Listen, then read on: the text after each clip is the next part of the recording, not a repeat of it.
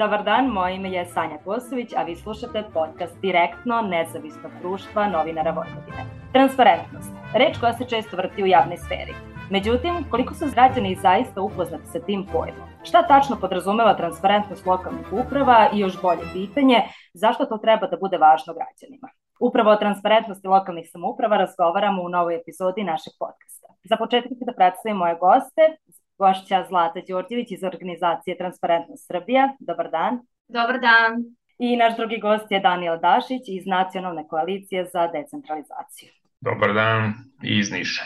E, u suštini da počnemo od samih osnova. Šta tačno podrazumeva transparentnost institucija i šta čini rad jedne institucije pa i lokalne samouprave transparentnost?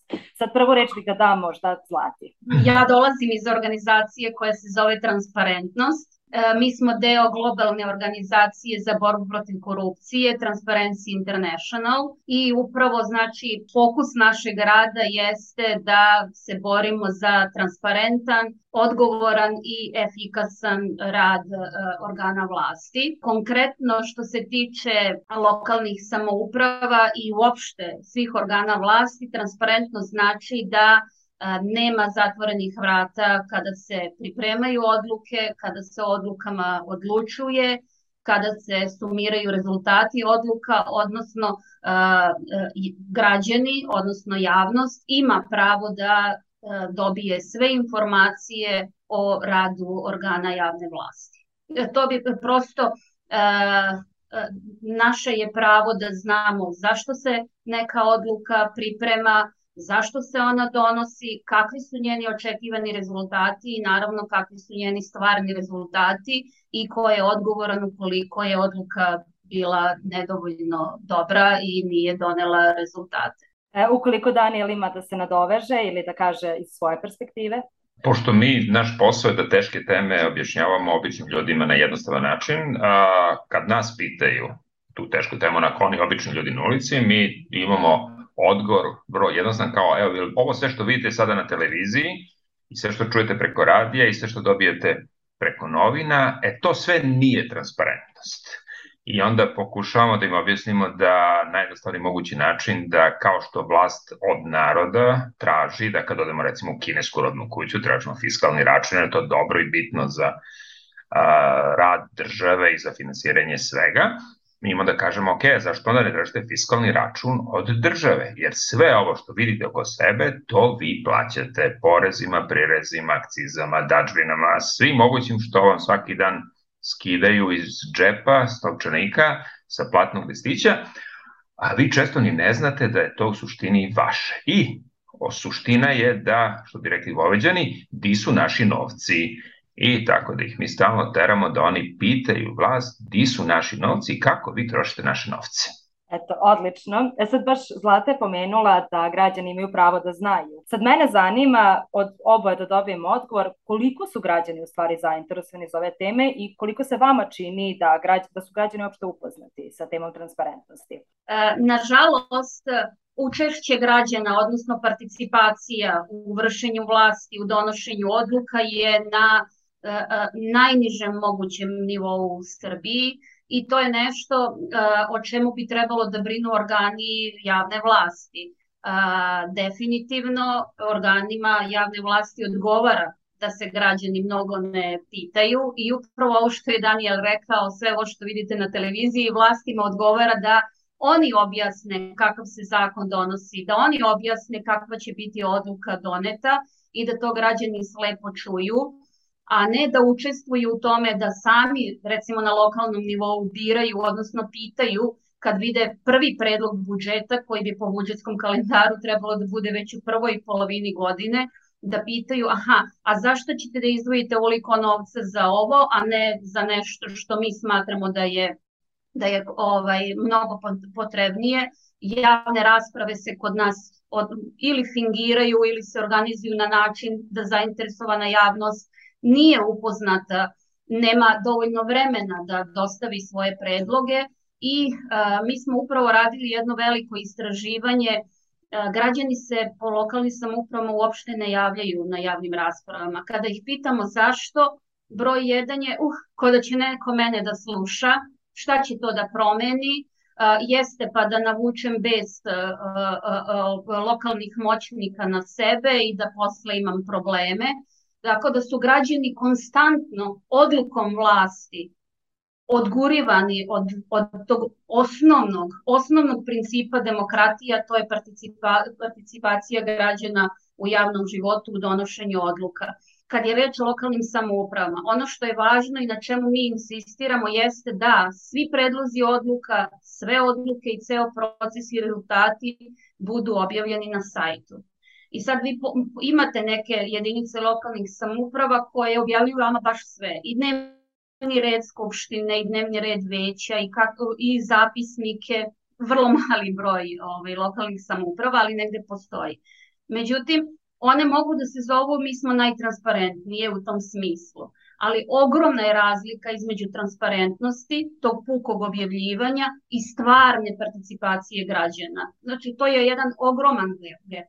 Druga stvar, ako neko ima loše rezultate u transparentnosti, ako merimo šta je od odluka objavljeno, to ne mora da znači da je ta opština potpuno korumpirana, nego prosto ne objavljaju odluke koje donose, znači nisu transparentni, a s druge strane ako imamo opštinu ili grad koji objavljuje apsolutno sve što uradi, to takođe ne znači da je ta, da je ta jedinica lokalne samouprave manje izložena korupciji. Prosto transparentnost je mehanizam za lakše otkrivanje kao preventiva za sprečavanje korupcije. Zato je transparentnost jako važna, jer ako su otvorene oči, ako više ljudi vide, vidi šta se dešava, onda je to teže i sakriti.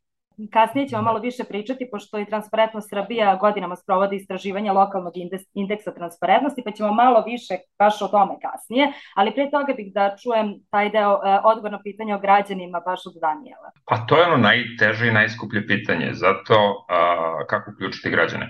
Postoje a, razno razni propisi i zakoni koji ta jasno definišu kako se građani uključuju u proces. Međutim, a, vlast jednostavno odgovara da građani jednostavno se ne uključuju da i to nije bitno i onda mi u ceo taj proces zvaničan ubacujemo i naš međukorak, da je pokušavamo kroz a, jasne, vidljive probleme koje građani vide da ih zainteresujemo. Recimo, trenutno Nišu, koje je propratio, imamo jednog odličnog aktivistu koji je krenuo s mapiranjem udarnih rupa. I sada svaki građanin Niša može da a, ubaci u taj Google a, u tu Google aplikaciju, da ubaci da mapira rupu i mi hoćemo pokažemo da imamo hiljade i hiljade rupa i da onda a, na taj način oni ljudi znaju, padaju rupe, lome točkove, oštećuju automobile, ali a, naš cilj je da ih kao predkorak, da sedno i da se jednog trenutka zapitaju, a ko je za to kriv? Ko treba da krpi te rupe? I onda na taj način a, krećemo u onaj zvanični sistem koji zove, ok, zašto organizacija, odnosno grad, institucija koja je dužna da to sređuje, ne radi svoj posao i zašto prijavljuje da je potrošila veliku količinu novca, a mi to nismo videli. I na taj način mi kreiramo te neke, to je jedan od načina, kreiramo te neke a, zainteresovane građane, jer u principu naše iskustvo pokazuje da a, ova dugogodišnja praksa prvo života u socijalizmu, komunizmu, da je ono u principu ćuti, sluša šta ti kažu, pa i sada ova autokratija koja isto ne razlikuje se mnogo, dovodi do toga da jednostavno građani a, ne žele, neće, plaše se, ima milion razloga, ali jednostavno, što bi se reklo, kad dovedeš to na nivo neke obične, jednostavne, razumljive forme, u našem, recimo, niškom slučaju, to, te, te udarne rupe koje su svugde po gradu, onda dobijemo ljude koji, kako mi to volimo da kažemo, odluče da izuju papuče i da buču patike i da onda ih dobijemo kao neke aktiviste koji, između ostalog, kad, čim postanu aktivni, onda ih je lako dovesti sa običnog protesta recimo u skupštinsku a, prostor tamo gde oni mogu i da pitaju konkretne stvari, jer bez te pripreme koja nigde nije zvanično propisana našim zakonima, mi imamo i tu našu metodologiju, znači malo da ih bockamo tamo, da ih žulja i da ih podsjetimo da ipak oni finansiraju celo ovu igranku i na taj način pravimo od kvantiteta kvalitet. Eto, otprilike to je onaj, ono što mi radimo konkretno baš kada je u pitanju istraživanje lokalnog indeksa transparentnosti, postoji više kategorija i sad to su javne rasprave, javni konkursi, skupština i slično. Sad, gde naše lokalne samuprave najčešće zatajavaju, kao u kojim delovima?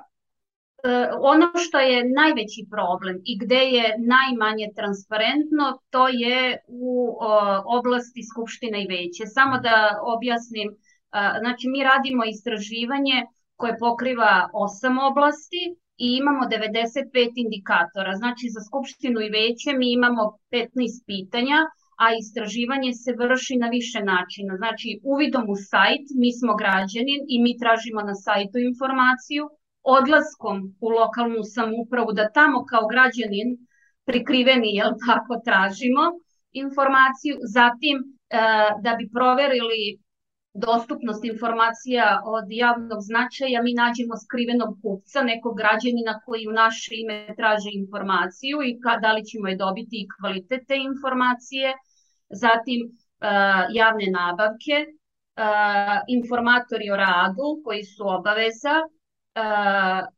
imamo set pitanja koji se odnose na transparentnost rada javnih preduzeća i ustanova, o javnim raspravama i konkursima, znači da li se organizuju, kako se organizuju, da li ima izveštaja, na koji način su sprovedene, takođe konkursi, što je velika tema, to je davanje novca ovaj, nevladinim organizacijama i medijima, gde mi nalazimo da je konkurs raspisan, ali kasnije nemamo nikakvo obrazloženje zašto je neko dobio, konkurs, e, dobio novac i šta se desilo, znači koji je rezultat na kraju tog projekta koji je sproveden I imamo još neke indikatore koji se ne spadaju ni jednu ovu, to mi zovemo ostali indikatori, ali koji se odnose na sam rad. Tako da u principu ovo istraživanje koje mi sprovodimo od 2015. godine, poslednje četiri godine je išlo uzastopno, ono što je dobro jeste da je ovo istraživanje doprinelo da su uh, lokalne samuprave počele da se takmiče, da nas zovu, da nas pitaju a šta da uradimo da bi mi bili bolji sledeće godine? Mi smo imali takve primere iz pojedinih lokalnih samuprava da su dolazili da im držimo obuku kako da budu transparentniji i, i, i prosto je neverovatan uh, uspeh ovaj, koji smo postigli u nekim opštinama koje su išle po 20-30 poena gore, koji su nama rekli, ali mi imamo te odluke, onda mi kažemo, a zašto ih ne objavite? Pa ni, ni ne piše u zakonu, nije nam niko rekao da treba, Mislim, mi to sve imamo, to je samo da damo IT službi i oni će da ih okače. Zbog toga kažem da transparentnost nije isto što je učešće građana u odlačivanju i da transparentnost nije isto manji, manje korupcije u određenoj opštini. To je samo spremnost opštine da učini svoj rad javnijim.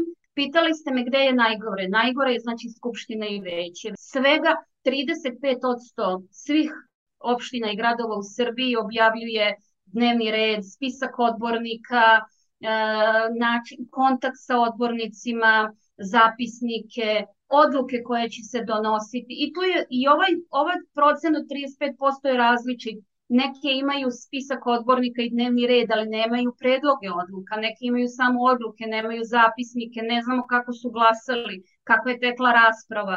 A sve to može da nas zanima i sve to postoji super je što su lokalne samuprave krenule da se takmiče pod znakom navoda i dobjavljuju što više, ali građani, ono što je Daniel rekao na početku, građani moraju da znaju da je njihovo pravo da imaju informacije, kako se deli novac, kako se sprovode projekti, kako se donose odluke, zašto se donose odluke.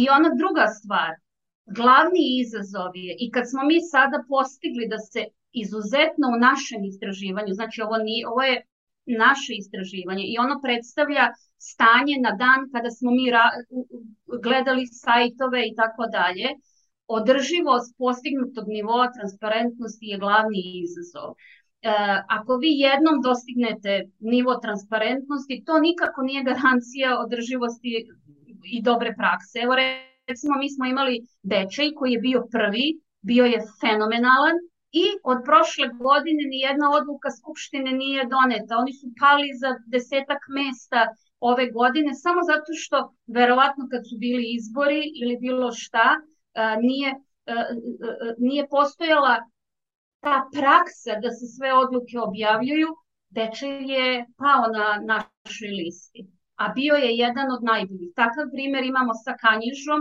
imamo takav primer takođe sa Plandištem, koje je pre 7-8 godina bilo u samom vrhu transparentnosti, a sada samo ide dole i dole, a stvar je, ovaj, stvar je u tome, znači ne postoji održivost, ne postoji odluka koju treba da se donese, a da to jeste da se donese jedan akt u svakoj opštini i gradu, da se popiše šta sve mora da bude dostupno javnosti. E, trenutno, šta se dešava? Rezultat se postiže samo ukoliko u, u opštini ili gradu postoji neki naročito zainteresovani službenik i onda se on bori da sve to bude objavljeno i to je individualni napor. Ako taj službenik ode na porodiljsko, na bolovanje, na odmor, onda sve stoji, ništa se ne dešava.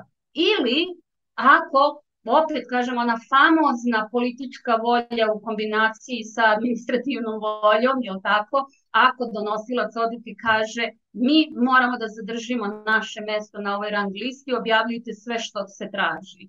I to je loše apsolutno loše zato što pokazuje kakav nam je sistem, odnosno da nemamo sistemske odluke i sistemske odluke da budemo transparentni bez obzira kad su izbori i bez obzira koji je službenik na odmoru ili za radnim stolom. Održivost je posebno važna Pa, pored svega ovoga, znači generalno se čini kao da se situacija poboljšava, barem iz vaše perspektive, na nekom većem planu. Sad zanima me šta misli Daniel o tome, da li se i po njemu čini da se situacija poboljšava i šta su po, po vama neke najkritičnije tačke sada u ovom periodu? Uh, tu imamo tu razliku između de facto i de jure. Uh, naša vlast je posle ovih 10 11 godina dobre edukacije od strane EU postala đak koji tačno zna šta treba da napiše da bi dobio dva minus. I oni su generalno sve procedure, sve propise usvojili, ali se onda strahovito trude da ih uh, ne koriste ili minimalno koriste da bi, uh, gledajući sa strane, proces bio ispoštovan, a u stvarnosti od toga nema ništa. Najveći problem je to što su najveći gradovi najveći problemi. I onda smo mi radili isto naše istraživanje to istraživanje da li građani imaju moć. Radili smo ga u okviru našeg projekta i na našem sajtu je dostupno, koje se baš bavilo time realnim principima transparentnosti i učinka, efekata toga te transparentnosti. Recimo u Nišu, barem, najveći napredak u organizaciji svih javnih rasprava u tome što smo pre tri godine imali javnu raspravu u budžetu koja je počela i nakon sat vremena su pozvali javnost da učestvuje. Znači sat vremena nakon što je počela, danas smo napredovali toliko da za ovu zadnju a, promenu, znači dodali su još milijardu i pol budžet, je a, javna rasprava, građani su bili pozvani čak 24 sata ranije da daju svoje predloge na novi predlog uh, unapređenog budžeta koji je bla bla bla, već da ne pričam. Znači, generalno, uh, naš, recimo, ja sam deo ispred NKD-a par tih nekih ministarskih grupa koje se uglavnom bave uh, otvorenom upravom, reformom sistema javne uprave. Problem je u tome što stvarno otežavaju nam posao vlasti jer su mnogo lepo naučili kako funkcioniše sistem, pogotovo EU birokratija i onda su naučeni da prate one ključne indikatore koji gledaju evropljani i sad ako piše da moraš imati neki papir kako da se sprovodi procedura, evropljani je mnogo bitnije da taj papir postoji nego da stvarno kontrolišu kako se ta procedura primenju. Tako da naš posao, mi sad upravo smo spremili četiri organizacije nevladinog sektora iz Niša, jedno lepo pisance za našu gradonačelnicu, da je podsjetimo kako to treba da izgleda u stvarnosti proces usvajanja, jer ona trenutno pošto najvratnije bila kritikovana ili nešto, napravila je javni poziv građanima da šalju njihove predloge za novi budžet i to je to. I onda smo mi pokušali da podsjetimo da ipak ne može baš tako, mora se napiše kako to ide, pa kako, ko će da prati, pa kako građan može da vidi ko je status njegovog, pa koji su okviri, pa koliko novca se planira za te predloge građana i milion drugih pitanja. Na koje oni, nažalost, ne vole da odgovaraju, ne žele i pokušavaju jednostavno da dobiju tu neku dvojku od Evropske one, unije, a mi sa naše strane se svojski trudimo da ih tužakamo Evropskoj uniji, da su loši đaci i da su samo lepo naučili fore i fazone, kako je nekad bila jedna dobra dečja emisija, da se izlače i da a, još uvek pokušavaju da na bazi nekog, ne znam čega, dobrog utiska koji su imali 12, 13, 14, jer mora priznamo da 12, 13, 14 je donet najveći nivo, najveći broj dobrih zakona i dobrih propisa koji su nam dali nadu da će ceo sistem biti, mislim da smo se pridružili partnerstvu za otvorenu upravu, dobili smo te čuvene smernice za uključivanje organizacije civilnog društva, počeli smo zvanično proces pridruživanja u 23. 24. znači sve one dobre stvari koji su tada obećavale da ćemo imati jednu a, finu državu, koliko toliko, koja poštuje a, građane dovoljno da bi ih obaveštavala šta planira da radi i šta radi sa njihovim novcem. Nažalost, idemo unazad i otežava nam opet posao to što najveći potrošači budžeta, Beograd, Novi Sad, Niš i Kragovac delimično, su i najveći oni, kako mi kažemo na jugu, mufljuzi, koji na svaki mogući način pokušavaju da izvrdaju i da samo prođu, a da ne ponavljaju rasvete. Sad čini mi se iz ovog poslednjeg odgovora da ono razlog iza transparentnosti da je često ta manjak volje Sad zanima me da li, je, da li, se, da li se i Zlata slaže sa tim? Šta je, to, šta je to što sprečava naše institucije i lokalne samouprave da budu transparentne? Mi kad govorimo o volji, ja to više čak ne bih ni zvala voljom, ja sam već postala malo alergična na, na taj izraz. To je odluka.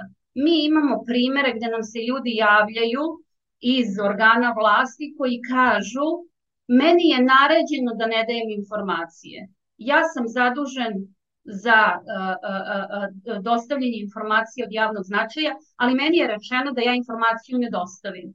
I šta se dešava? Kazne su takve da ih plaća organ, ali na prekrša ide osoba koja nije dostavila informaciju. I ta osoba koja da bi se čuvala svoj posao će se tamo negde voditi u prekršajnim organi moraju da budu odgovorni. Ako ministarstva, javna preduzeća, E, bilo koji organ vlasti, bilo koja institucija ima budžet da plaća kazne za nedostavljanje informacije, za sakrivanje informacija, to znači da postoji odluka, politička odluka, ne volja, politička odluka da se te informacije sakrivaju. Da li hoću da poštujem zakon ili neću da poštujem zakon, kazaću imam zakon, dostavim ono što ne smijem. A što kažete što ne dostavljaju? Pa ako vas niko ne posmatra, vi ste, imate veća diskreciona prava, imate, odnosno to nisu prava, nego prosto ne morate da radite baš sve kako je navedeno. Niko ne voli da ga kontrolišu. A ono što je najbitnije na čemu mi insistiramo jeste upravo kontrola. Nisam sigurna, Daniele, da li vi imate da se nadovežete ili da nešto kažete? To je suština cele priče. Znači, jednostavno, ne vole da se kontrolišu, ali zbog toga što ako bi se kontrolisalo, onda Jelku u Beogradu ne bi koštalo 85.000 evra, onda novogodišnji koncert e, ne bi koštao 70 ili 80.000 evra, jer čak i najblaža moguća provera koja je totalno moguća pokazuje da su sve te cene naduvane negde, bukvalno standard je puta 10.